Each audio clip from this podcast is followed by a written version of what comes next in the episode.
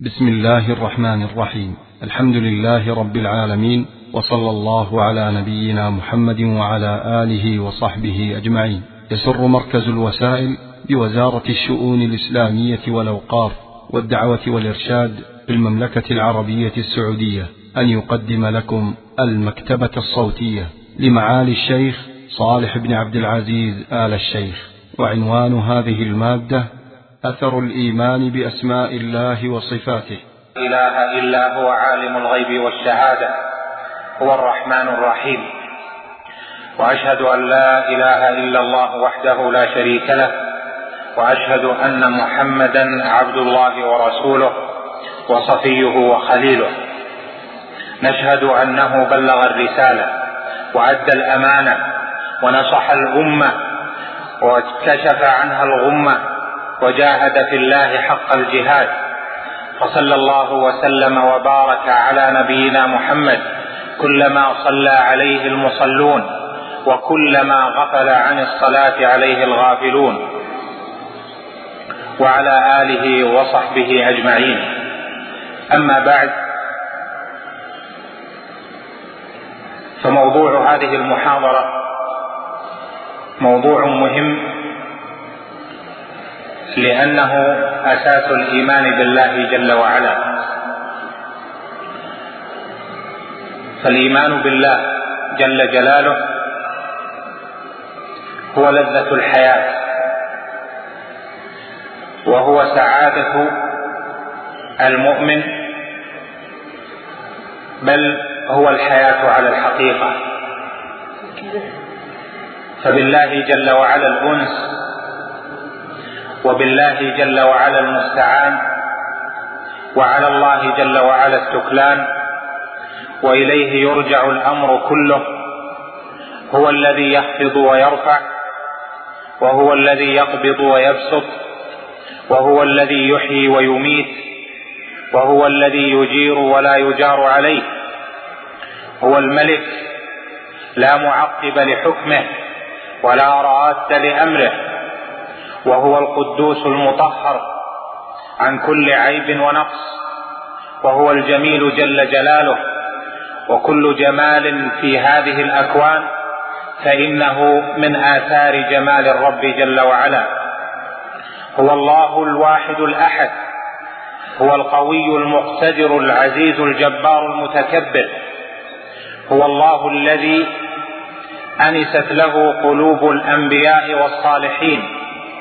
فالتذت لمناجاته ورغبت في القرب منه ولأجله جاهد المجاهدون فأهرقت الدماء في سبيله ولأجله شمر المشمرون طلبا للقرب منه في دار كرامته وخوفا منه شمر المشمرون بعدا عن دار هوانه وعذابه ووجلا منه ابتعد الصالحون عن كل ما يخدش ما يخدش الإخلاص ويقدح في التوحيد أو في كماله. وفرقا منه جل وعلا هرب المؤمنون منه جل وعلا إليه. فسبحانه من إله عظيم سبحانه من رب قادر سبحان من وجلت له القلوب وسبحت له الملائكة في علياء سمائه. سبحانه جل وعلا كثيرا وتنزيها له وتعظيما وحمدا له وثناء كما يليق بجلاله وعظمته. قال جل وعلا اومن كان ميتا فاحييناه وجعلنا له نورا يمشي به في الناس كمن مثله في الظلمات ليس بخارج منها. اومن كان ميتا بالكفر والضلال فأحييناه بالإيمان الصحيح أحييناه بالتوحيد أحييناه بالإخلاص أحييناه بطاعة ربه كمن مثله في الظلمات ليس بخارج منها. هذا مثل الضال عن الله جل وعلا وعن العلم به. والإيمان بالله هو الحياة والإعراض عن الله جل وعلا وعدم الإيمان به وترك الإيمان به جل وعلا هو الموت. قال سبحانه هنا أو من كان ميتا فأحييناه. ولهذا فإن المؤمن على الحقيقة يرى الإيمان بالله جل وعلا هو الحياة الحقيقية.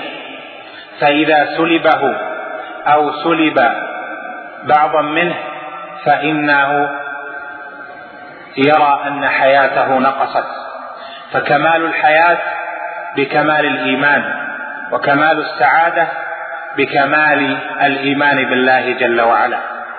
قال مالك بن دينار رحمه الله تعالى من سادات التابعين خرج أهل الدنيا من الدنيا ولم يذوقوا أطيب ما فيها. خرج أهل الدنيا من الدنيا ولم يذوقوا أطيب ما فيها. معرفة الله جل جلاله. يعني أطيب ما في الدنيا هو العلم بالله جل جلاله. ومن هذا القبس قال شيخ الإسلام أحمد بن عبد الحليم بن تيمية رحمه الله تعالى إن في الدنيا جنة من لم يدخلها لم يدخل جنة الآخرة. وجنة الدنيا هي جنة الإيمان بالله. جنة معرفة الله على الحقيقة جنة الإخلاص لله جل وعلا جنة الاستجابة لرسوله صلى الله عليه وسلم. لهذا كان مدار الأمر على الحقيقة الإيمان بالله جل وعلا. ولهذا أمر الله سبحانه المرسلين جميعا بأن يأمروا الناس بالإيمان به أن يامر الناس أن يؤمنوا به جل جلاله والإيمان به فرضه الله جل وعلا وهو أول فرض وأعظم فرض. كل آمن بالله وملائكته وكتبه ورسله.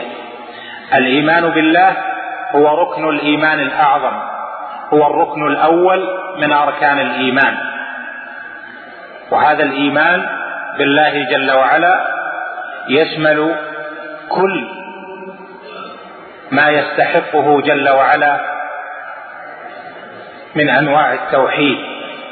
نؤمن به جل وعلا ربا واحدا متصرفا مدبرا لهذا الملكوت وحده لا شريك له. ونؤمن به سبحانه المعبود بحق جل جلاله لا معبود بحق سواه. ونؤمن به جل وعلا بأن له الأسماء الحسنى وله جل وعلا الصفات العلى وهو سبحانه الذي له المثل الأعلى له النعت الأكمل وله أحسن الأسماء وأجل الصفات جل جلاله. فهذا الإيمان سماه أهل العلم توحيد الأسماء والصفات أو الإيمان بأسماء الله وصفاته. وهو من الإيمان بالله جل وعلا.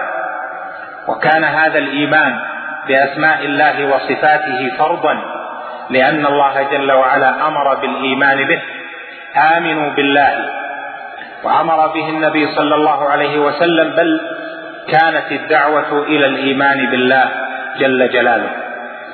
وإذا كان الأمر كذلك فإن الله جل وعلا حض عبادة على أن يكونوا عالمين به جل وعلا وأن يكون أن يكونوا متقربين منه سبحانه بالعلم بأسمائه وصفاته والعلم بما يستحقه جل وعلا وما يعلم من ذاته وصفاته وأفعاله جل جلاله وتقدست أسماؤه.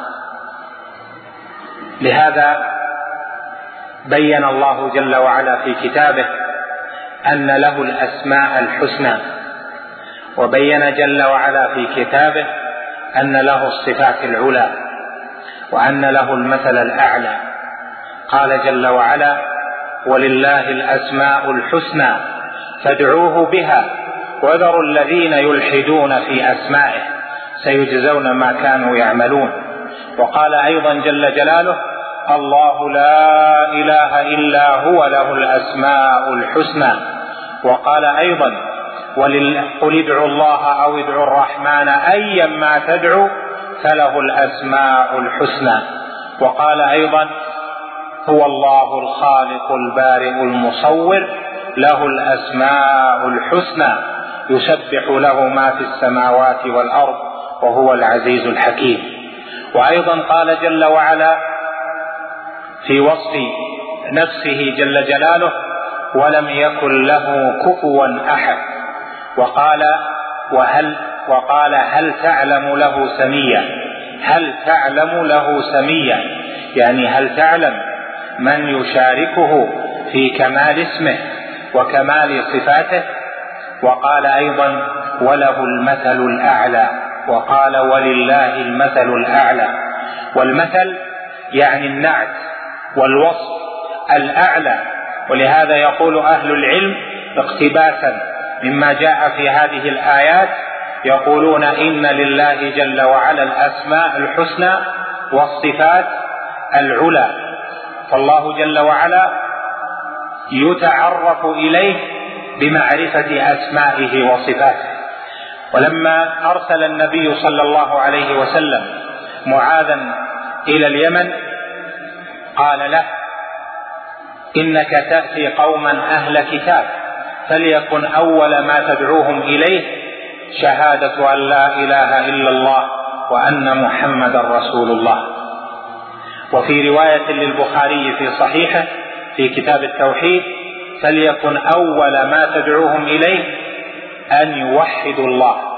ولمسلم في الإيمان من صحيحه فليكن أول ما تدعوهم إليه أن يعرفوا الله. وهذه المعرفة معناها العلم المعرفة المحمودة لأن المعرفة نوعان. معرفة محمودة وهي التي تكون عن إيقان وعلم وبصيرة وبينة. ومعرفة مذمومة وهي التي يعلم فيها المرء ما يعلم ثم ينكر كما كان أهل الكتاب وأهل الشرك يعرفون نعمة الله ثم ينكرونها. يعرفونه كما يعرفون أبناءهم ولكنهم أنكروا. قال في هذا في هذا اللفظ فليكن أول ما تدعوهم إليه إلى أن يعرفوا الله يعني أن يعلموا الله جل وعلا. ولهذا قال أهل العلم أشرف معلوم وأعظم معلوم هو الله جل وعلا. فإذا تقاسم الناس المعلومات وتنافسوا فيها فإن أعظم الناس من كان علمه بالله جل وعلا أعظم. لأن شرف العلم يكون بشرف المعلوم. والمعلوم هنا هي أسماء الله جل وعلا وصفاته والإيمان به وما يستحقه جل جلاله. لهذا كان من أشرف المطالب أن يسعى فيه العبد أن يتعلم الأسماء والصفات وأن يكون عالما بمعانيها ليحصل له بعد ذلك الثمرات المرجوة من ذلك. إذا تبين ذلك فإن الكتاب والسنة فيه الكثير من أسماء الله جل وعلا وصفاته. فالله سبحانه علمنا وأخبرنا بما له جل وعلا من النعوت والأسماء. فيجب علينا أن نؤمن بما قص الله جل وعلا علينا وأخبر وأنزل في كتابه أو قصه نبينا صلى الله عليه وسلم أو أخبر به. قال أهل العلم من أئمة السلف الصالح وأهل الحديث رحمهم الله تعالى أسماء الله وصفاته توقيفية يعني أنه يجب فيها الوقوف مع النص من الكتاب أو السنة أو الإجماع لا يدخلها قياس لا قياس نقلي ولا يدخلها قياس عقلي ولا يدخلها قياس مما يستعمله الناس من الأقيسة. فالأسماء والصفات توقيفية يعني أن ما جاء في القرآن أو في السنة من الأسماء فإننا نثبته. وما لم يات في القرآن والسنة من الأسماء والصفات فإننا لا نثبته. فالإثبات والنفي مداره على ما جاء في الدليل. وهنا نقول إن هناك الإيمان بالأسماء والصفات. فما الفرق بين اسم الله جل وعلا وبين صفته؟ الأسماء والصفات. ما الفرق بين الاسم والصفة؟ الاسم والصفة يجتمعان في أن كل منهما فيه وصف لله جل وعلا. أما الاسم فيزيد على أنه يدل على ذاته جل وعلا. مثلا نقول من أسماء الله العليم والعليم من أسمائه سبحانه يدل على ذاته تقول هو العليم ويدل أيضا على صفة العلم التي اشتمل عليها الاسم. أما إذا قلت العلم من حيث هي صفة فإنه فإنها تدل على ثبوت الصفة دون دلالة على الذات. ولهذا كان الاسم فيه زيادة على الصفات. فالأسماء أسماء الله جل وعلا تدل على ذات الله جل وعلا وعلى الصفات بالمطابقة كما يقول أهل العلم وتدل على الاسم أو الصفة بالتضمن. أما الصفة فإنها تدل على الصفة فحسب وتدل على الاسم من جهة اللزوم. فتبين من هذا أنه يجب علينا أن نجعل الأسماء والصفات تدور مع الدليل. فمن جاء باسم زائد فنقول هذا لم يأتي في الكتاب ولا في السنة. مثلا يأتي ويقول من أسماء الله الصانع. نقول ما جاء الصانع في الكتاب ولا في السنة؟ يقول من أسماء الله المريد. نقول ما جاء؟ من أسماء الله المتكلم. نقول هذا ما جاء لا في الكتاب ولا في السنة. يقول من أسماء الله جل وعلا المستهزئ. نقول هذا لم يأتي لا في الكتاب ولا في السنة. لكن جاء جاءت هذه الأشياء على جهة الوصف إما المطلق وإما على جهة الكمال. المطلق مثل نقول الله جل وعلا متصف بصفة الكمال بصفة الكلام على وجه الكمال كما يليق بجلاله وعظمته. لكن ما نقول هو متكلم يعني بمعنى أنه من أسمائه الحسنى أنه متكلم. ما نقول أن من أسمائه الحسنى أنه مريد لكن الله جل وعلا موصوف بأن له الإرادة وأنه سبحانه يريد. يريد الله بكم اليسر ولا يريد بكم العسر ما نشتق من الفعل أو من الصفة اسما وإنما ندور حيث جاء في الدليل من الكتاب أو السنة. لماذا؟ لأنه لا أحد أعلم بالله جل وعلا من الله سبحانه وتعالى. ولا أحد أعلم من الخلق بالله جل وعلا من رسوله صلى الله عليه وسلم. فلذلك لا نتجاوز القرآن والحديث في أسماء الله وصفاته. فما جاء في الصفات وفي الأسماء في الكتاب والسنة اثبتناه وما لم يأتي لم نثبته في ذلك. الله جل وعلا قال ولله الأسماء الحسنى.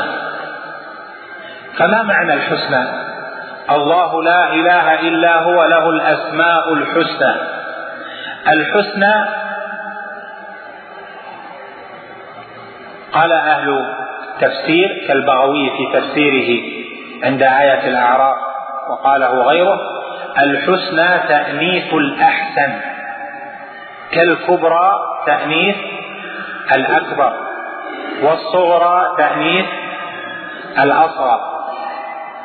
فقوله سبحانه ولله الأسماء الحسنى يعني أن أحسن الأسماء له جل وعلا.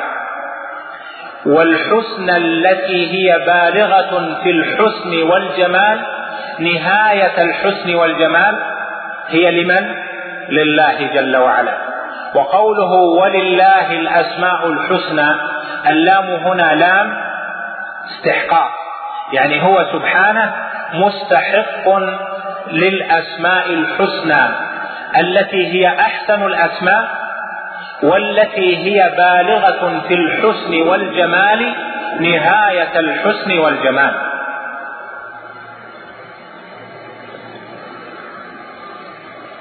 ما وجه ذلك. هناك امور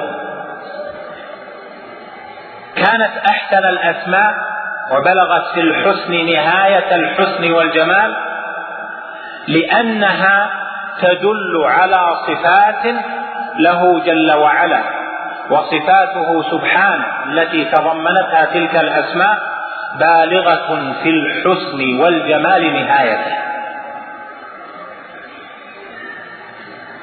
الثاني أن الأسماء لله جل وعلا يدعى الله سبحانه وتعالى بها. يدعى بها يعني كما سيأتي تفصيلا إن شاء الله تعالى يدعى بها أي يعبد بها جل وعلا. هل أسماء الناس أسماء الخلق أسماء الأنبياء يعبدون بها؟ حاشا العبادة لمن؟ لله وحده سبحانه وتعالى. الثاني الثاني أنه يثنى عليه بها جل وعلا. الثالث أنه سبحانه يسأل بأسمائه الحسنى. هل الخلق يسألون بأسمائهم؟ لا لأنه لا بد أن يكون عندهم نقص القدرة على انفاذ ما تضمنته أسماؤهم. مثلا عزيز مصر. أليس هو العزيز؟ وقال العزيز وقالت امرأة العزيز سماه الله العزيز. لكن هل عنده من صفات العزة؟ ليس كذلك. فإذا النقص يلازم الإنسان مهما بلغ من أسمائه والله جل وعلا أسماؤه بالغة في الكمال والحسن نهايته لا وجه فيها لنقص من وجه من الوجوه. ولذلك يسأل الله جل وعلا بأسمائه وصفاته. من أوجه كونها كون أسماء الله جل وعلا حسنى وهي أحسن الأسماء أن كل اسم من أسماء الله جل وعلا له آثاره في الخلق في السماوات في الجنة في النار في العرش في الكرسي في الماء في من في السماوات ومن في الأرض في الملكوت في الصغير والكبير في الهواء فأسماء الله جل وعلا لها آثارها. في ملكوته وخلقه. كذلك لها آثارها في شرعه ودينه. كذلك لها آثارها في جزائه.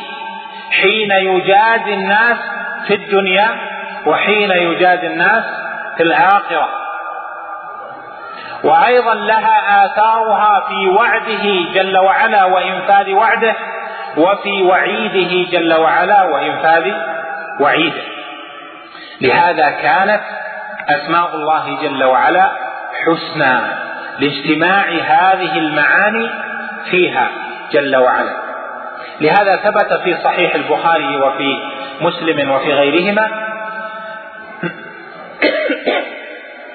من حديث أبي الزناد عن الأعرج عن أبي هريرة رضي الله عنه أن رسول الله صلى الله عليه وسلم قال إن لله تسعة وتسعين اسما. من أحصاها دخل الجنة وهو وتر يحب الوتر جل جلاله. وهنا نظر العلماء. ما معنى اولا الحصر في قوله إن لله تسعة وتسعين اسما؟ هل هذا للحصر؟ والسؤال الثاني ما معنى من أحصاها؟ والجواب على الأول أن قوله عليه الصلاة والسلام إن لله تسعة وتسعين اسما قال العلماء ليس المراد بذلك الحصر ولكن هذا يراد به ترتب الثواب على هذه الأسماء. قال أهل العلم فلله جل وعلا أسماء كثيرة أكثر من التسعة والتسعين لكن التسعة والتسعون اسما ترتب عليها ثواب أن من أحصاها دخل الجنة. ويدل على هذا الفهم وهو فهم صحيح قول النبي صلى الله عليه وسلم في حديث ابن مسعود المشهور أن النبي صلى الله عليه وسلم قال ما أصاب أحدا هم ولا حزن. فقال اللهم إني عبدك ابن عبدك ابن أمتك. ماض في حكمك عدل في قضاؤك. أسألك بكل اسم هو لك. سميت به نفسك أو علمته أو أنزلته في كتابك أو علمته أحدا من خلقك أن تجعل القرآن العظيم ربيع قلبي وجلاء همي وذهاب حزني؟ قال عليه الصلاة والسلام إلا أذهب الله همه وحزنه وجعل مكانه أو قال أبدله مكانه فرحا وسرورا. قال الصحابة أفلا نتعلمها يا رسول الله؟ قال ينبغي لمن سمعها أن يتعلمها. فدل هذا الحديث على أن أسماء الله جل وعلا كثيرة لكن الحديث حديث أبي هريرة حصر تسعة وتسعين في أن من أحصاها دخل الجنة. والسؤال الثاني ما معنى الإحصاء؟ وهذا تكلم فيه العلماء كثيرا وخلاصة كلامهم أن الإحصاء يدور على ثلاثة معاني وله ثلاث مراتب. أما المعنى الأول فالمعنى أحصاها عدها والثاني أحصاها حفظها والثالث أحصاها تعبد الله بها وعمل بمقتضاها. اي ثلاث معاني. أحصاها عدها. لماذا قالوا ذلك؟ لأن الله جل وعلا قال في القرآن لقد أحصاهم وعدهم عدا هذا إحصاء بمعنى العد. الثاني قال أحصاها حفظها. من أحصاها؟ يعني من حفظها. لماذا قالوا ذلك؟ لأن الله جل وعلا يقول أحصاه الله ونسوه. يعني حفظه الله سبحانه وتعالى ونسوه. الثالث من أحصاها بمعنى من تعبد الله بها دخل الجنة لقوله ولله الأسماء الحسنى فادعوه بها. ومعنى الإحصاء يشمل هذه الثلاثة من عدها وحفظها وتعبد الله بها دخل الجنة. نسأل الله الكريم أن يجعلنا جميعا من أهل الجنة بمنه وكرمه وعفوه ورحمته. مراتب الإحصاء. من أحصاها دخل الجنة؟ اولا أن تتعلمها تتعلم الأسماء. تعرف الله جل وعلا بأسمائه. يعني مثلا تسمع اسم من أسماء الله.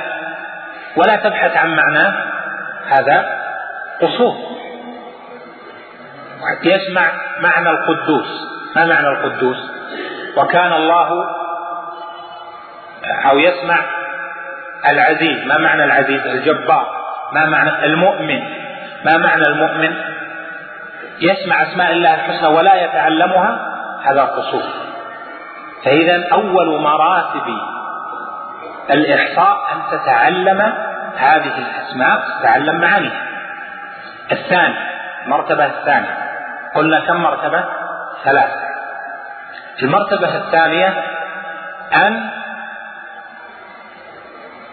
تعرف أن تعرف ارتباط هذه الأسماء بآثار ما يجريه الله في الملكوت. يعني مثلا اسم الله الحليم. نعم ترى كفر الكفار تعلم أن الله حليم يعني تتأمل تتدبر في أن أسماء الله جل وعلا لها آثار في الخلق نراها. نرى الظالم يظلم والقاتل يقتل والمسلمون يستضعفون والله جل وعلا حليم سبحانه وتعالى. هو العزيز هو الحكيم أيضا له الحكمة البالغة. الحي في قوته وصحته المريض يمرض الله جل وعلا يعز من يشاء ويذل من يشاء. ترى هذا الذي يجري في ملكوت الله في سماواته أو في أرضه؟ إذا علمت المرتبة الأولى فإنه سياتيك في المرتبة الثانية الربط ما بين هذه الأشياء وما بين أسماء الله جل وعلا وصفاته. فحينئذ ينتفي من قلب المؤمن حقيقة بالأسماء والصفات ينتفي في حقه خطرات المادية خطرات الإلحاد. الظن بأن الأمور تجري هكذا بل يربط الأشياء بأفعال الله جل وعلا. وبأسمائه وصفاته. فيكون عنده من النور في كل ما يراه ما لا يكون عند من لا يعلم. المرتبة الثالثة أن يكون متعبدا لله جل وعلا بها. متعبدا لله جل وعلا داعيا الله سبحانه وتعالى بها. لأن ثمرة من ثمرات الإيمان العبادة كما سيأتي إن شاء الله.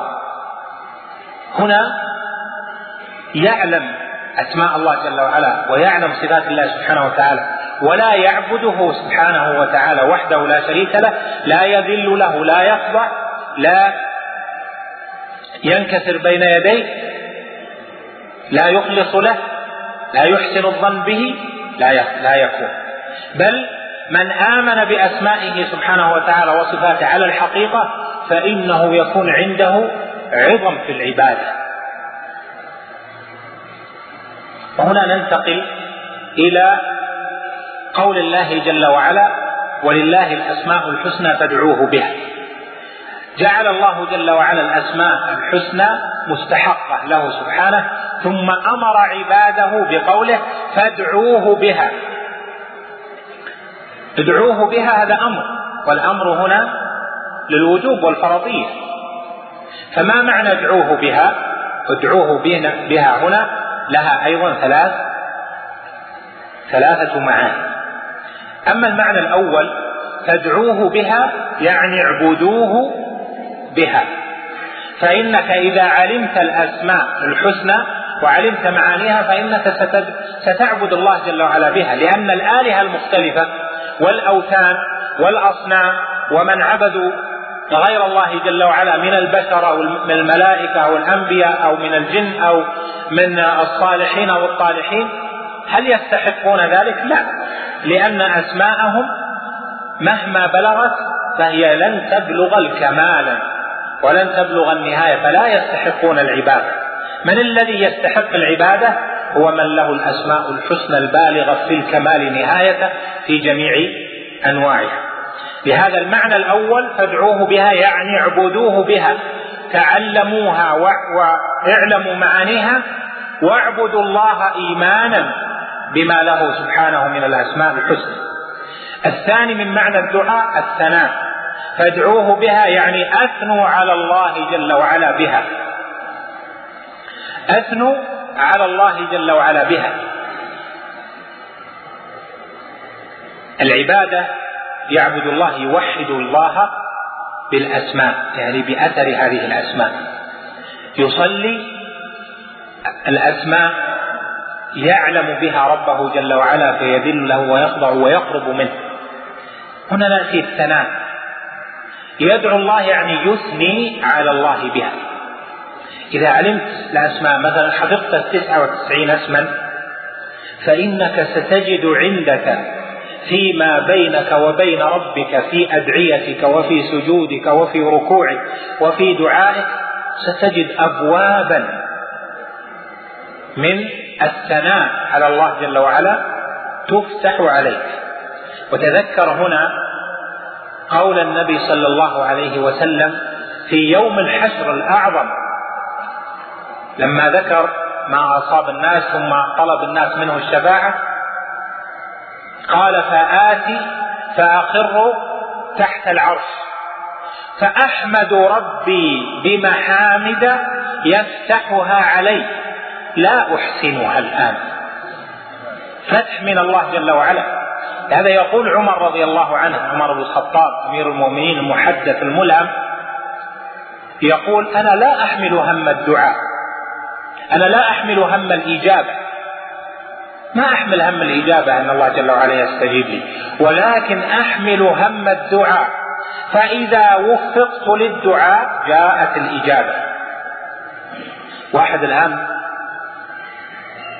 يحتاج إلى أنه إذا خاطب البشر في حاجة من حاجاته ما يكتب في الأول أو إذا خاطب يعطي بعض الثناء وبعض الشيء عشان يكون مقدمة لحديثه يبين مثلا قربة يبين إخلاصه يبين كذا. الله جل وعلا أحق بالثناء. الله جل وعلا أحق بالحمد. الله جل وعلا يحب من عبده أن يحمده أن يثني عليه أن يوقره أن يجله أن يظهر أثر ذلك في دعاء العبد. فإذا تعلمت الأسماء والصفات زاد عندك زادت عندك أبواب الثناء على الله جل وعلا. إذا فادعوه بها يعني أثنوا على الله بها. الثالث من معاني فادعوه بها يعني اسألوه بها. اسألوا الله بها. يعني توسلوا إلى الله جل وعلا بأسمائه وصفاته. أسماء الله متنوعة. وصفاته متنوعة. ومطالب الناس أيضا متنوعة كثيرة. وأسماء الله وصفاته لها آثارها وارتباطها بما يجري في الملكوت سواء في حياتك أو في حياة غيرك أو في السماوات أو في الأرض. فتسأل الله جل وعلا بالاسم المناسب أو بالصفة المناسبة لمطلوبك أحرى أن تجاب. بعد الحمد بعد أن تحمده وأن تثني عليه جل وعلا. مثلا شخص منكسر في أي أمر من أموره في أمر ديني أو أمر دنيوي. فهنا يسأل الله جل وعلا بالأسماء المناسبة له. اسم الجبار أجبر ضعفي أجبر كسري. يسأله باسم الرحيم يسأله باسم الجواد يسأله باسم الرافع يسأله باسم المعد العزيز وهكذا. فتأتي حاجتك وتنطلق إذا علمت الأسماء والصفات تنطلق فيها مع أنواع كثيرة من التوسلات التي يحبها الله جل وعلا. كذلك إذا أردت في النكاية بعدوك إذا أردت السلامة من الأعداء إذا أردت دفع الشر الحسد و... والعين وكذلك أشياء كثيرة. إذا أردت إذا أحسست بكيد كائد لك وأعظمت التوكل عليه سألته بأسمائه المناسبة لذلك. إذا فمعنى فادعوه بها أي فاعبدوه بها أثنوا عليه بها اسألوه بها. لكن كيف يعبده ويثني عليه ويسأله؟ وهو لم يتعلم الأسماء والصفات. ولذلك من السهل أن تحفظ التسعة وتسعين اسما من السهل. زرنا بعض البلاد يعلمونهم في الابتداء الأسماء 99 في شبه نشيد أو شبه يعني متوالية. هو الله الذي لا إله إلا هو عالم الغيب والشهادة الرحمن الرحيم الملك القدوس السلام المؤمن المهيمن ذي الجبار الخالق البارئ المصور. إلى أن تنتهي التسعة وتسعين. يحفظها هذا يفتح عليك أبواب من الإيمان. إذا حفظتها وتعلمت معناها ولذة كما قال ابن تيمية إن في الجنة إن في الدنيا جنة من لم يدخلها لم يدخل جنة الآخرة. يعني جنة الإيمان لذة حياة طيبة. إذا تبين ذلك فأهل العلم نظروا فيما ذكرنا وتبين لهم أن أسماء الله جل وعلا وصفات الرب جل وعلا لها آثارها في الخلق والأمر يعني في ملكوت الله ومخلوقاته وفي أمره الكوني وأمره الشرعي وفي الجزاء وفي الوعد والوعيد وفي أنواع الحكمة وما يحصل من أقدار الله جل وعلا وقضائه. فتأملوا في الأسماء والصفات فقسموها ليقرب إلى الذهن معرفة الآثار والعمل بمقتضيات الإيمان.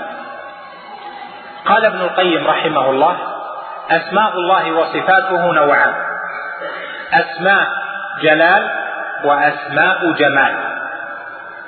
وهذه أخذها من قوله جل وعلا تبارك اسم ربك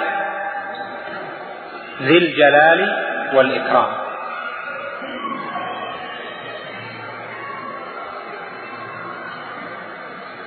فهو سبحانه ذو الجلال وهو سبحانه ذو الإكرام. الإكرام فيه معاني الجمال. الإكرام في الحياة الإكرام بالدين الإكرام بالدنيا الإكرام في الآخرة الرحمة كل ما يحصل عندك من النعيم أو يندفع من الأذى هو بإكرام الله جل وعلا. هذه أنواع جمال. أيضا من صفاته من أنواع أسمائه وصفاته ما يتعلق بالإحاطة لأنه سبحانه محيط بكل شيء مثل المهيمن. الشهيد الرقيب المقيت العليم المحيط. وهكذا. هذه فيها الإحاطة وأنه لا تخفى عليه خافية. هناك صفات العزة والقدرة مثل الرب الملك القدير القهار الجبار العزيز الخافض الرافع القابض الباسط المعز المذل. هذه كلها فيها عزة وفيها قدرة تدل على أنه سبحانه كان على كل شيء مقتدرا جل جلاله. من أسمائه وصفاته ما يتعلق بالرحمة. الرحمن الرحيم الودود القريب. الجواد وهكذا. الغفور الغفار هذه تتعلق برحمته بعباده. هنا كل مجموعة هذه المجموعات كل مجموعة منها متعلقة بجميع ما ذكرنا من الخلق والملكوت وشرع الله جل وعلا بقدر الله جل وعلا وبجزائه بوعده ووعيده وكل الأصنام. هنا ينظر العبد المؤمن وهو يتأمل ذلك. فيرى أن أسماء الجلال من عزة الله وقدرته وجبروته سبحانه وملكه وأنه يجير ولا يجار عليه وأن أمره نافذ وأنه الذي يخطي يراها في ملكوت الله في السماء ويراها في ملكوت الله في الأرض. بل يراها في الناس. بل يراها في نفسه. وهكذا صفات الرحمة. هو سبحانه الذي وسعت رحمته كل وسعت رحمتي كل أن تتأمل بعد أن تتعلم الأسماء والصفات على النحو الذي ذكرنا تتأمل التقسيمات لها. وكل قسم تعلقه بملكوت الله وبشرع الله وبأمره. خذ مثلا الحكمة. حكمة الله جل وعلا متعلقة عليه بالملكوت فقط لا. ترى حكمة الله جل وعلا في خلقه وتراها أيضا في دينه وشرعه. وتراها أيضا في جزائه وتراها أيضا في جنته وناره وفي وعده ووعيده. لهذا وجب على الإنسان المؤمن أن تظهر أو أن يحظى بثمرات الإيمان بالأسماء والصفات على نفسه وفي نفسه بعد تعلمه ومعرفته بأسماء الله وصفاته. من هذه الثمرات أولا أعظم ثمرة للإيمان بالأسماء والصفات ولتوحيد الأسماء والصفات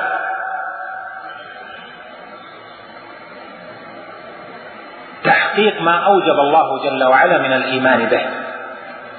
الله جل وعلا أمرنا بالإيمان به فمن آمن بالأسماء والصفات جميعا كما أمر كما أخبر الله جل وعلا بها وأخبر بها نبيه صلى الله عليه وسلم فقد حقق هذا الإيمان.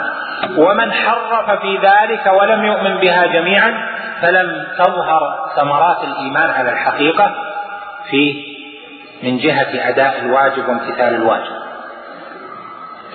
نصيب المؤولة والمعطلة للأسماء والصفات يعني الذين ينفون بعض الأسماء لله جل وعلا ينفون بعض الصفات أو يتأولونها على غير ما وردت عليه ليس نصيبهم من هذا الإيمان كاملا.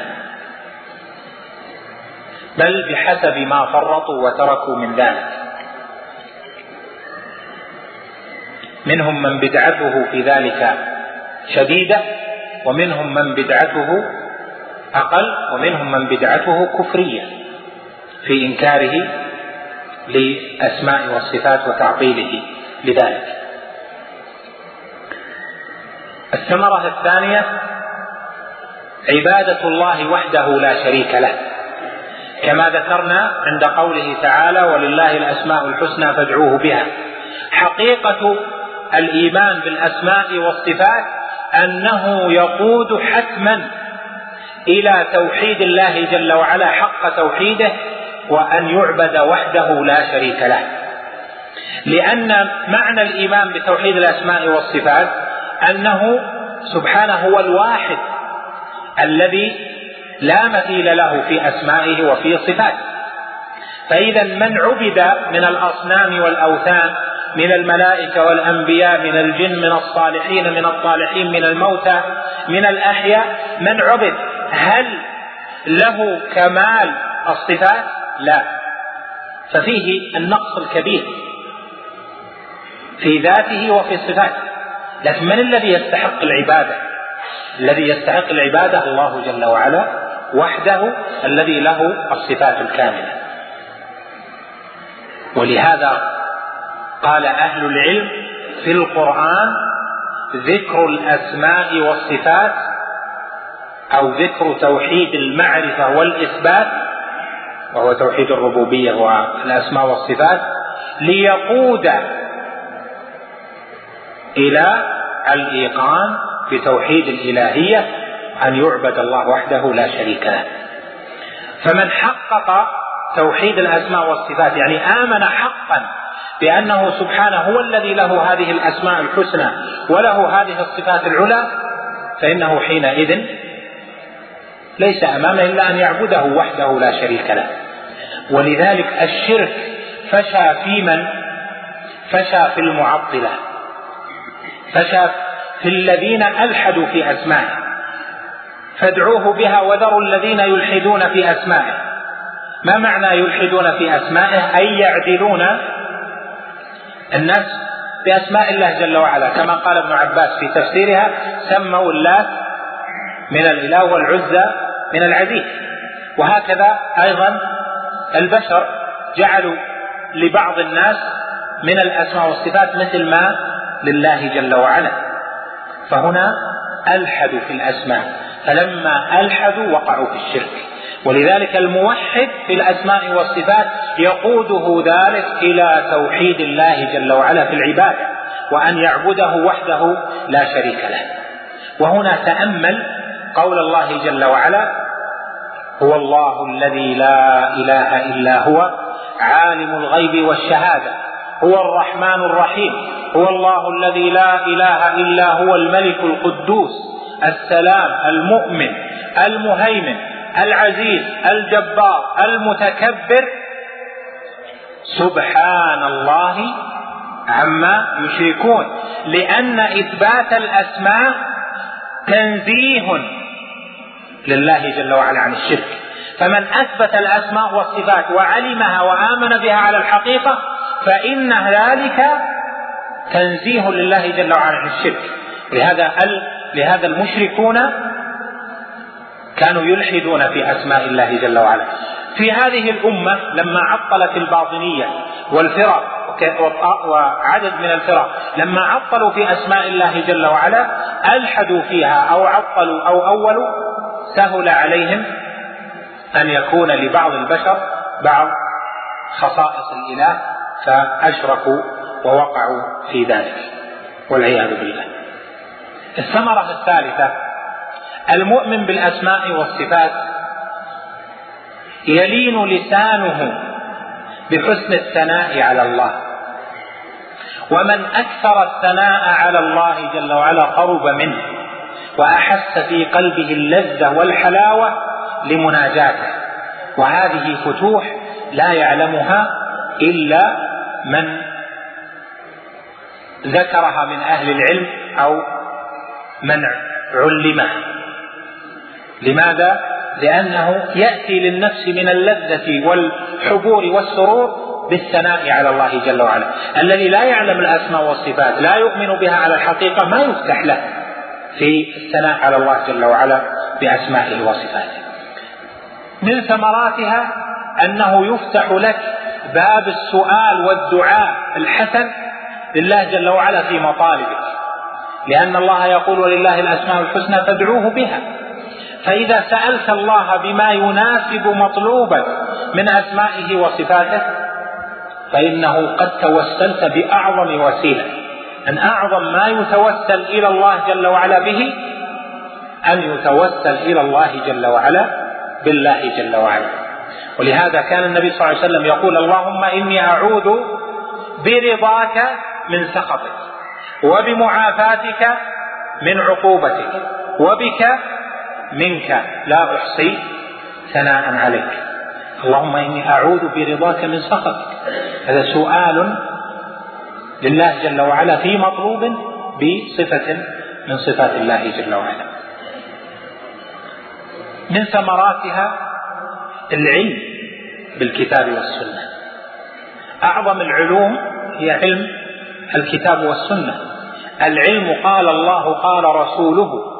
قال الصحابة هم أولو العرفان. الكتاب والسنة أكثر ما فيه وصف الله جل وعلا. بيان ما يستحقه سبحانه بيان ما له جل وعلا.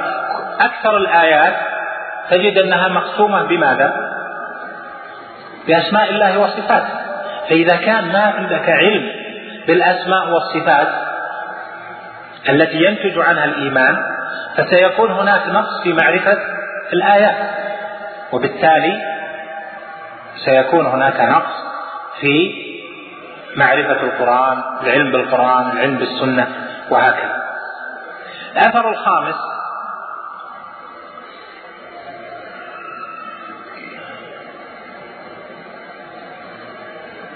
التدبر في ملكوت الله جل وعلا. الله جل وعلا قال قل انظروا ماذا في السماوات والأرض. أولم يتفكروا في ملكوت السماوات والأرض وما خلق الله من شيء؟ إذا عظم العلم بالأسماء والصفات نظرت إلى الملكوت بنظرة أخرى. نظرت إلى مخلوقات الله من الجبل والنجم والشمس والقمر والحجر والزواحف نظرت إليها بنظرة كلها يدل على الله جل وعلا. لهذا قال الحسن البصري رحمه الله تعالى قال في كلام حسن جميل عاملنا القلوب بالتدبر. عاملنا القلوب بالتدبر فأورثها التذكر. فرجعنا بالتذكر على التدبر وحركنا القلوب بهما فإذا القلوب لها أسماع وأبصار. أعيد عاملنا القلوب بالتفكر. أو التدبر. عاملنا القلوب بالتفكر فأورثها التذكر فرجعنا بالتذكر على التفكر وحركنا القلوب بهما فإذا القلوب لها أسماع وأبصار. أنفع العلوم وأنفع الكلام من كلام السلف. كما قال ابن رجب رحمه الله في رسالة فضل علم السلف على علم الخلف قال كلام السلف قليل كثير الفائدة. وكلام الخلف كثير قليل الفائدة. ما معنى كلام الحسن البصري؟ يقول عاملنا القلوب بالتفكر يعني تفكرنا في ملكوت الله تفكرنا في أسماء الله وصفاته. فما كانت النتيجة؟ قال فأورثها يعني أورث التفكر. القلوب التذكر الذكرى. استيقظت. صار عندها تذكر. رجع هل اكتفى بذلك؟ لا. قال فرجعنا بالتذكر مرة أخرى على التفكر يعني ابتدى من جديد يتفكر بعدما بدأت في القلب الحياة فحركنا القلوب بهما ينتقل من من التفكر إلى التذكر ثم يرجع من التفكر إلى التذكر ويزيد قال حتى انفتحت له ما انفتح؟ قال فإذا القلوب لها اسماع وأبصار يعني يسمع كلام الله جل وعلا وإذا به يرى فيه من الآيات والعبر ما لم يكن في حسبان سابقا وفي علمه ويبصر في ملكوت الله ما لم يكن يبصره سابقا. والإلف يحجز العبرة. نألف الشمس نألف القمر نألف أنفسنا نألف حياتنا نألف طعامنا نألف الشراب. لكن هذا الإلف يبعد النظر في العبرة. ولذلك استيقاظ القلب من أعمدته العلم بالأسماء والصفات. فرؤية آثار الأسماء والصفات في ملكوت الله جل وعلا. جميع أنواع الملكوت هذه من الثمرات. في شرع الله جل وعلا قرآن في السنة في بعثة الأنبياء والمرسلين فيما كانوا عليه فيما جرى بينهم وبين أعدائهم هذا تظهر لك فيه آثار الأسماء والصفات وما يجري الله جل وعلا في ملكوته. من الآثار السادس عظم التوكل على الله جل وعلا. فإذا تأملت في أسماء الله جل وعلا التي توقن معها بأنه هو الذي بيده ملكوت كل شيء هو الذي يدبر الأمر هو الذي بيده قلوب العباد هو الذي يخفض ويرفع هو الذي يمرض ويسقم ويشفي ويعافي هو الذي يقبض ويبسط هو الذي يجير هو الذي ينصر هو الذي يخذل هو الذي يعز من الذي يفعل ذلك كله؟ هو الله جل وعلا. من الذي يملك الملك على الحقيقة؟ هو الله جل وعلا. من بيده خزائن السماوات والأرض؟ هو الله جل وعلا. من القوي؟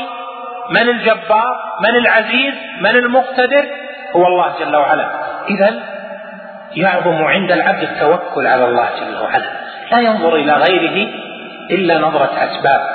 أما حقيقة ركون القلب فهو إلى الله جل وعلا ركونه إلى الله منه سبحانه إليه. ففروا إلى الله.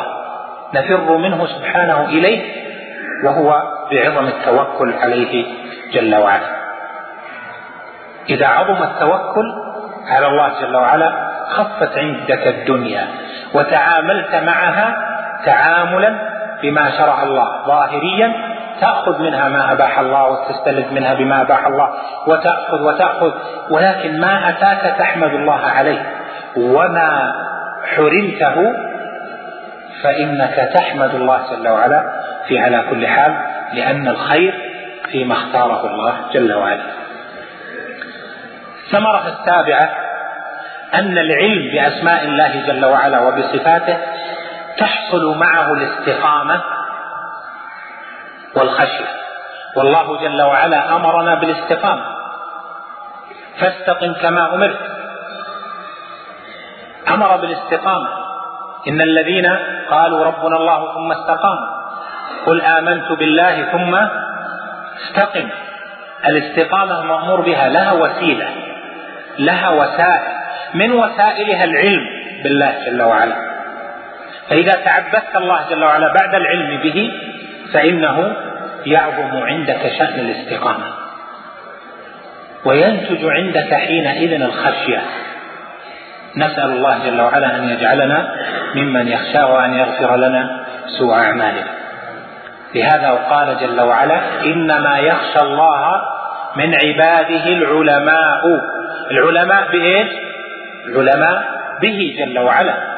العلماء بحقه بربوبيته بألوهيته بأسمائه وصفاته. هؤلاء اللي يخشون لذلك كان أكمل الناس خشية من؟ الأنبياء لكونهم أعظم الناس علما بالله جل وعلا. الثامن والأخير ونقتصر عليه هنا أن العلم بأسماء الله وصفاته يعظم معه شأن الذنب عند العبد.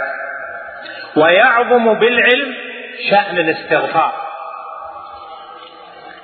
يعظم مع شأن الذنب فلا يستحقر الذنب.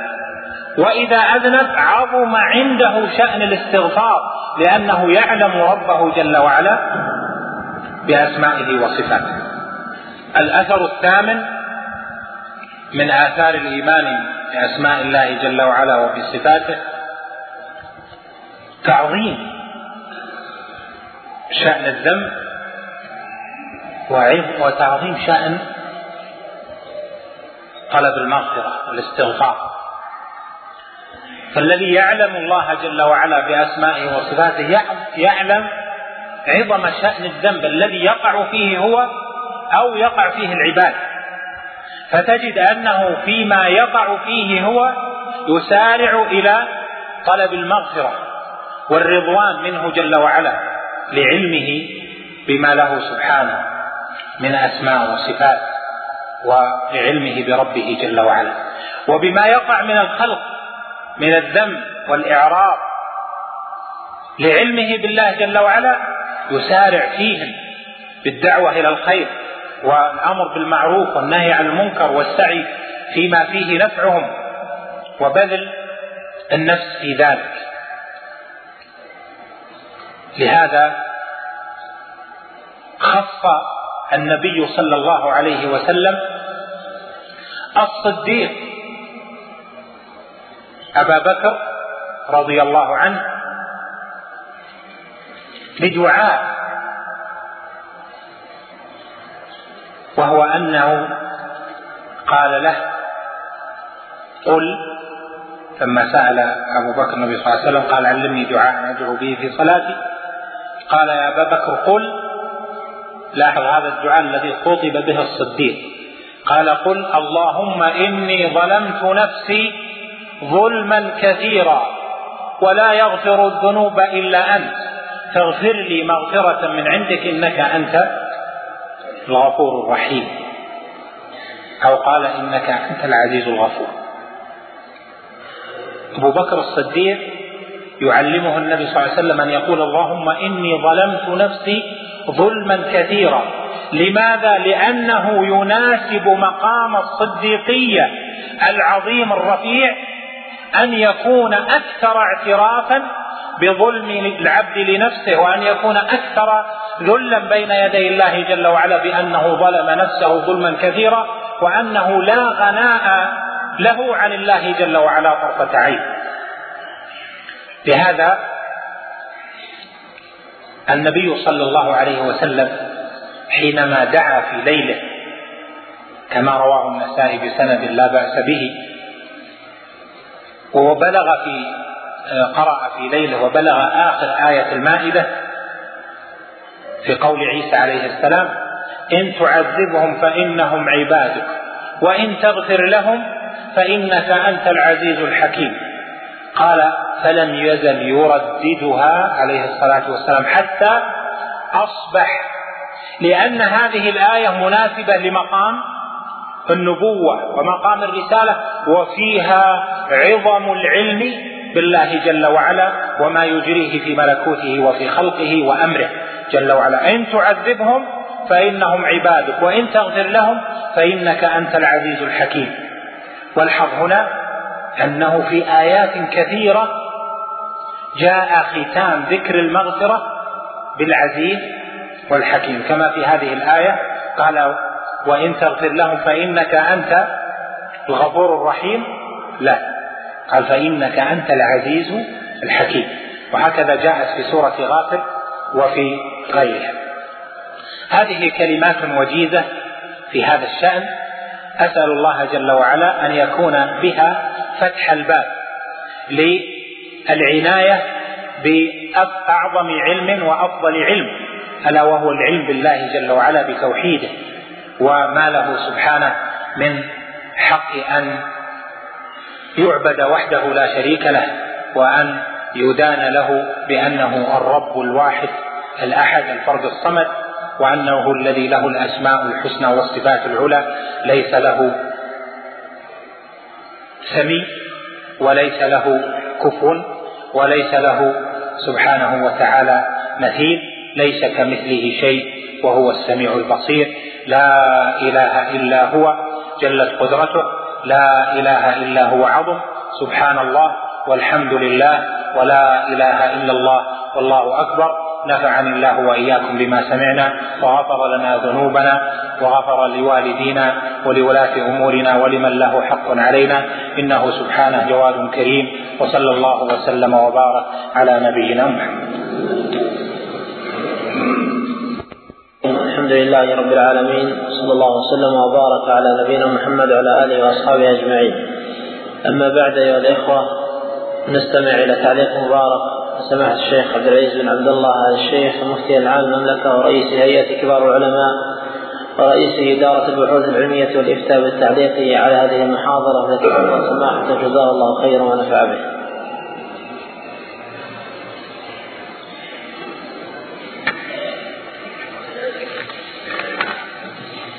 بسم الله الرحمن الرحيم الحمد لله رب العالمين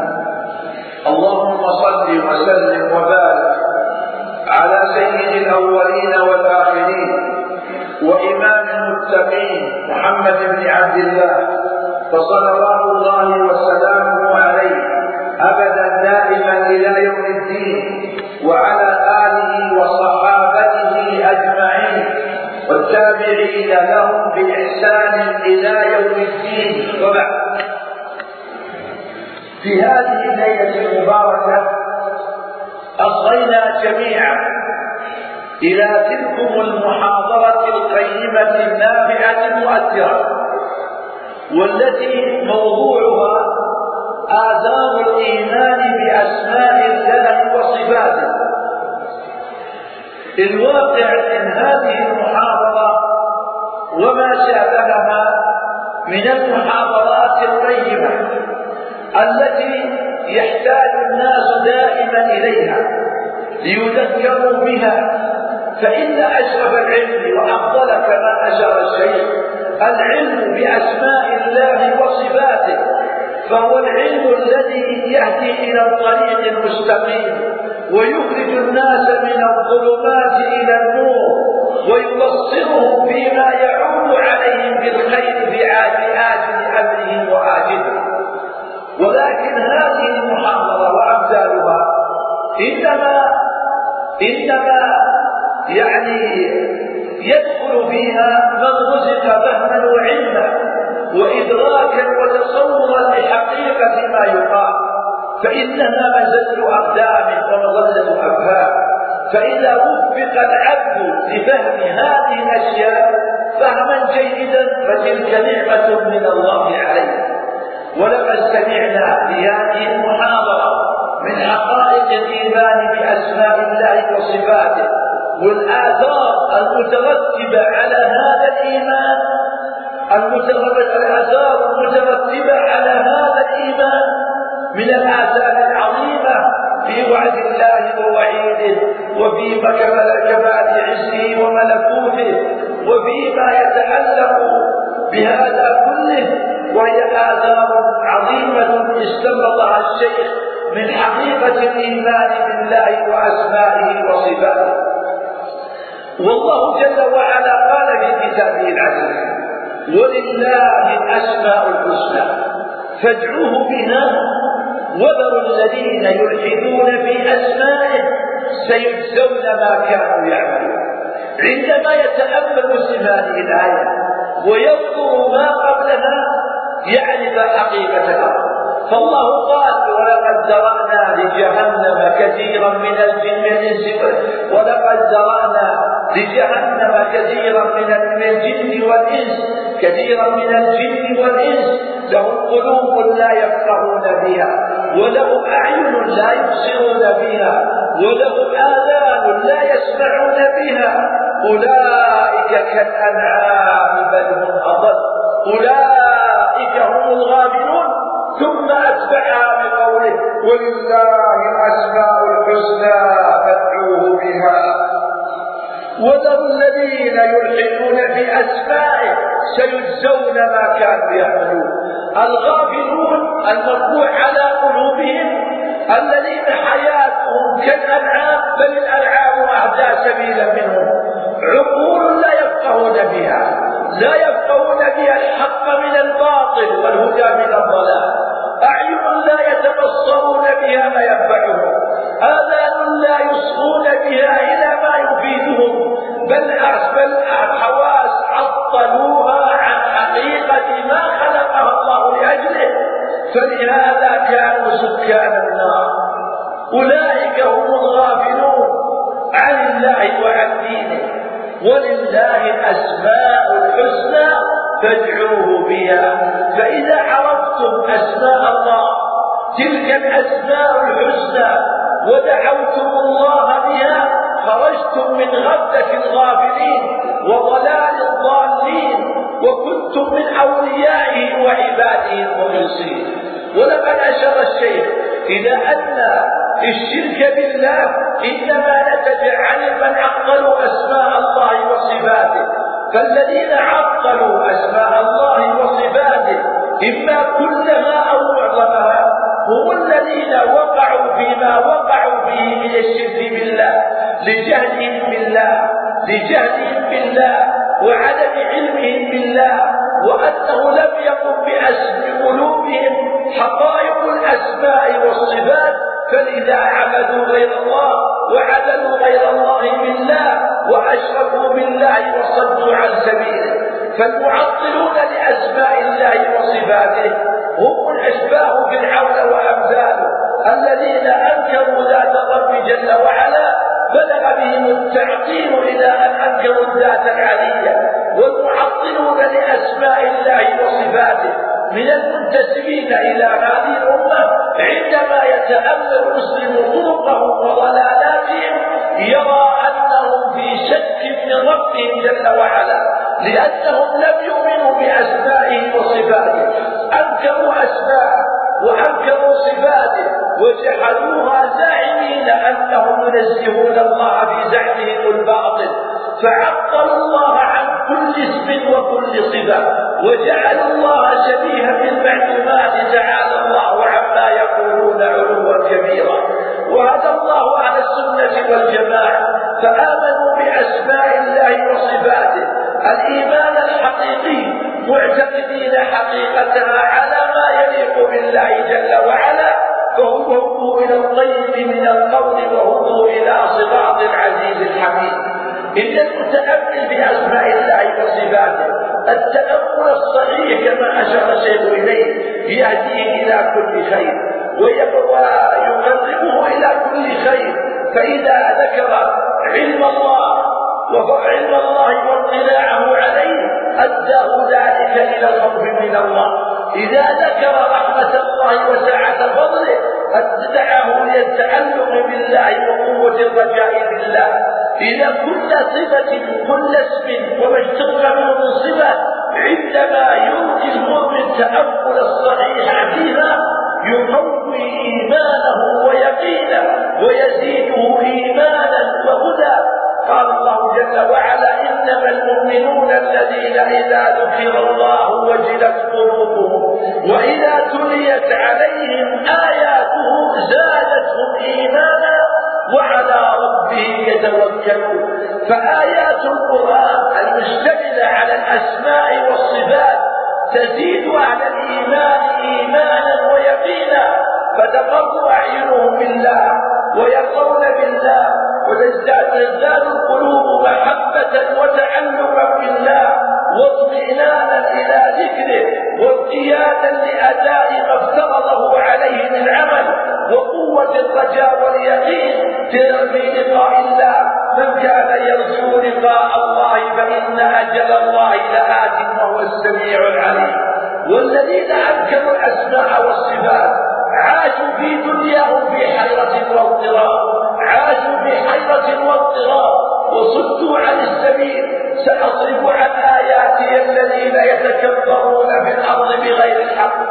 بغير سأصرف عن آياتي الذين يتكبرون في الأرض بغير الحق. وإن يروا كل آية لا يؤمنوا بها وإن يروا سبيل الرشد لا يتخذوه سبيلا وإن يروا سبيل الغي يتخذوه سبيلا.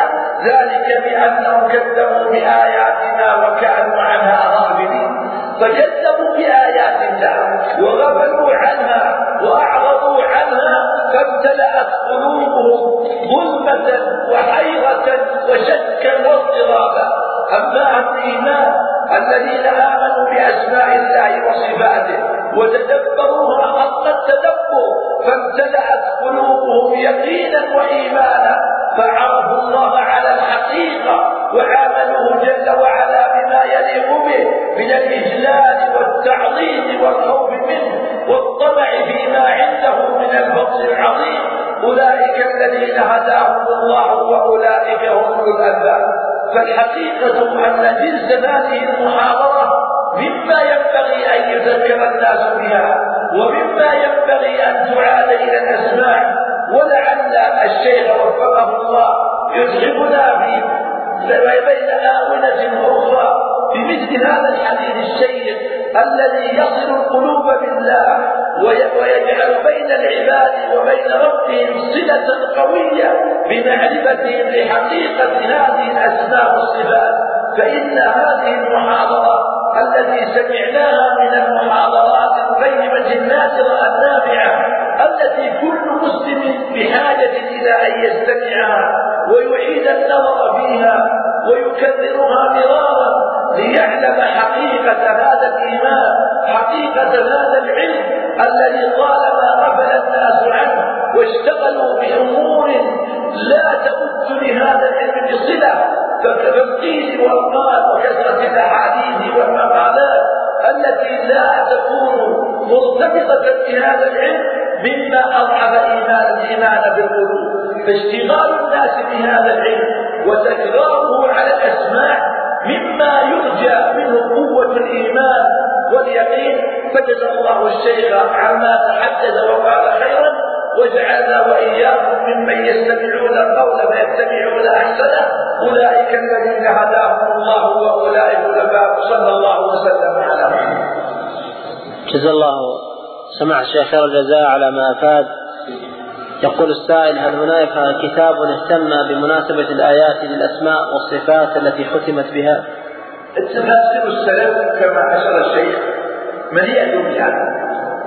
فالسلف الصالح بتفاسيرهم يختمون الآيات ويبينون يعني الحكمة من ختم هذه الآية بهذه الصفة وهذا تفسير رحمه الله وابن كثير وأمثاله وقالوا وأمثالهم يحكوا الكتاب قد أشار الشيخ في آية إن تعذبهم فإنهم عباد وإن تغفر لهم فإنك أنت العزيز الحكيم.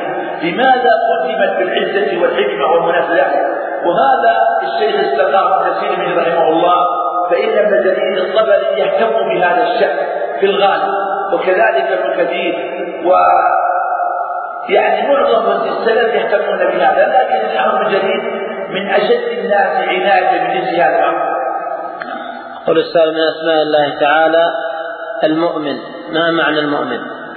المصدق لأهل الإيمان نعم يقول السائل هل يجوز دعوة هل يجوز دعوة الله تعالى بصفاته؟ كيف؟ لا يعني الله قال ولله الأسماء فادعوه فنقول اللهم إني أسألك برحمتك التي وسعت الجنة لكن دعاء ذات الصفة دعاء ذات الصفة لا يجوز. أما توسلي إلى الله بصفاته فيجوز يقول أقول يا رحمة الله. ما يجوز لكني إذا قلت أسألك برحمتك التي وسعت كل شيء فلا مانع. يقول السائل هل يجوز أن يفسر الاستواء بأنه كناية عن الهيمنة والسيطرة؟ هذا تأويل الأشاعرة وأركانهم ممن أنكروا استواء الله على العرش نقول الرحمن على العرش استوى على وارتفع فهو خلق المخلوقات واستوى على عرشه استواء يليق بجلاله. لم يقهر ولم يغلب. لم يظهر ولم يغلب حتى نقول هيمن هو مهيمن وخالق ومسيطر على الخلق. ومالك للعباد فهو الاستواء خاص بعلومه على عرشه. الرحمن على العرش استوى على وارتفع.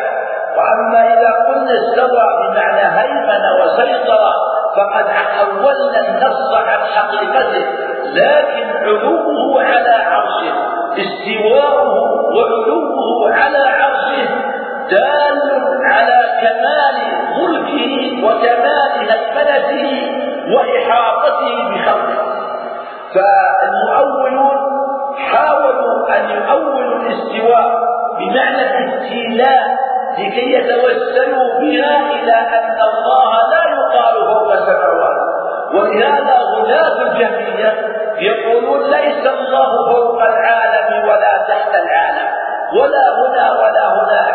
يعني وصفوه بالعدم فنحن نقول كما نطق القرآن في سبعة مواضع الرحمن على العرش استوى ثم استوى على العرش الرحمن. نقول استواء يليق بجلاله ومن ثمرات هذا الاستواء والعلي والعلو من ثمراته أنه المحيط بخلقه المهيمن عليهم فلكمال ملكه وكمال قدرته وكمال عظمته هو مستو, على عرشه استواء يليق بجلاله وعظمته. ليس كمثله شيء وهو السميع البصير. سماحة الشيخ يقول السائل هل تعلم علم الفلك من الأمور الجائزة والمندوبة؟ وهل ذلك يورث بتعلمه معرفة المعرفة بأسماء الله الحسنى؟ الفلك إن كان تعلمه بما يعرف به الأوقات هذا لا مانع منه أما إن كان التعلم تعلما يخرجه عن المشروع ويشغله بما لا ينفعه وربما أوقعه في أمور لا تحمل عقباها فليس هذا بعلم. يقول السائل نرجو من سماحتكم توجيه كلمة موجزة لأولياء الأمور من الآباء فيما يجعل الإجازة الصيفية تعود بالنفع على الشباب. نرجو من الله أن يوفق شبابنا لاغتنام هذه الأيام الجازة وأن يشغلوها بما ينفعهم وأن لا يشغلوها بما لا خير يقول السائل هل يجوز بيع الكتب والأشرطة التي فيها سب للصحابة رضي الله عنهم وللعلماء وتكفير المجتمعات الإسلامية وجزاكم الله خيرا؟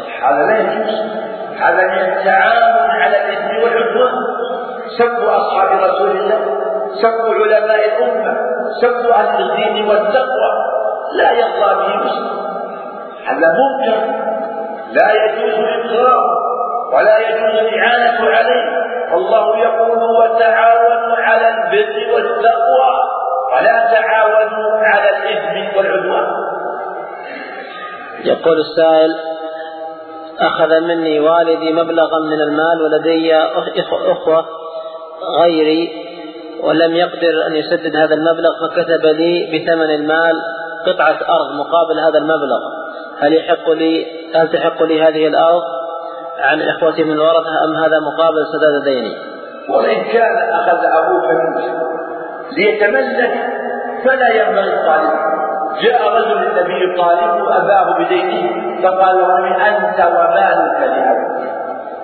فالأولى ألا تطالب أباه إن تقطع وأقر واعترف أمام إخوته بأن هذه القطعة مقابل مال أخذه منه من تلقاء نفسه الحمد لله. وأما أن تلزمه وتخاصمه فإن هذا لا يحل.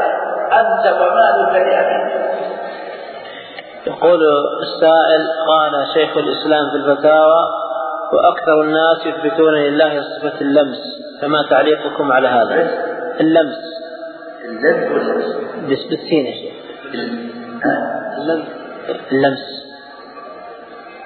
ما ما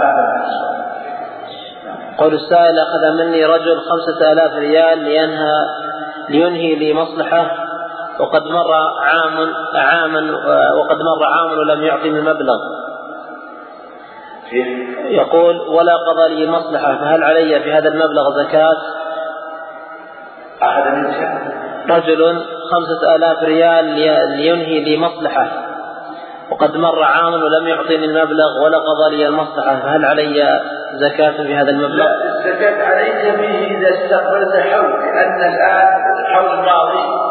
كان بعلم ظنك أن المال ليس أخرج من عملك فإذا رجع إليك فاستفتح الآن أم بعلمك يقول السائل هل القيام بالمظاهرات وعمل المسيرات الرجالية والنسائية طريقة شرعية أمر الله تعالى بها وما حكمها؟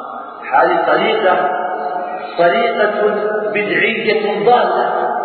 هذه طريقة مشابهة بأعداء الله. الفوضى والمسيرات والمظاهرات لا تليق بالمسلمين لأن هذه الأمور قلد فيها على الشرك والضلال وهي لا تحقق هدف.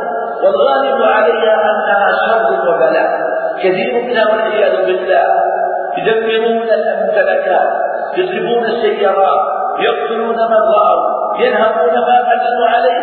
هذه كلها أمور لا تليق بالمسلمين. الإسلام أهل وحدة فيما بينهم وارتباط فيما بينهم وتفاهم فيما بينهم وأهل شورى فيما بينهم يحلون مشاكلهم بالطمأنينة وتبادل الرأي والتعاون على الخير. أما هذه الفوضى والغوغاء فإنما هي نتائج شد وبلاء وغالب يقوم يستغيث المجتمعات وغالب تهدد في الأمم ولا تحقق خيرا. أهل الإسلام مأمور بالسمع والطاعة لمن ولاه الله أمره والتفاهم مع ولاة أمرهم والتعاون بأدب ونصيحة وطمأنينة وتشاور بالأمور وأخذ بالمصالح ودفع للمفاسد أما والعياذ بالله هذه الفقهاء من المسيرات والمظاهرات فهي أخلاق غير المسلمين أخلاق الضالين أخلاق الذين لا وزن لهم ولا قيمة لهم.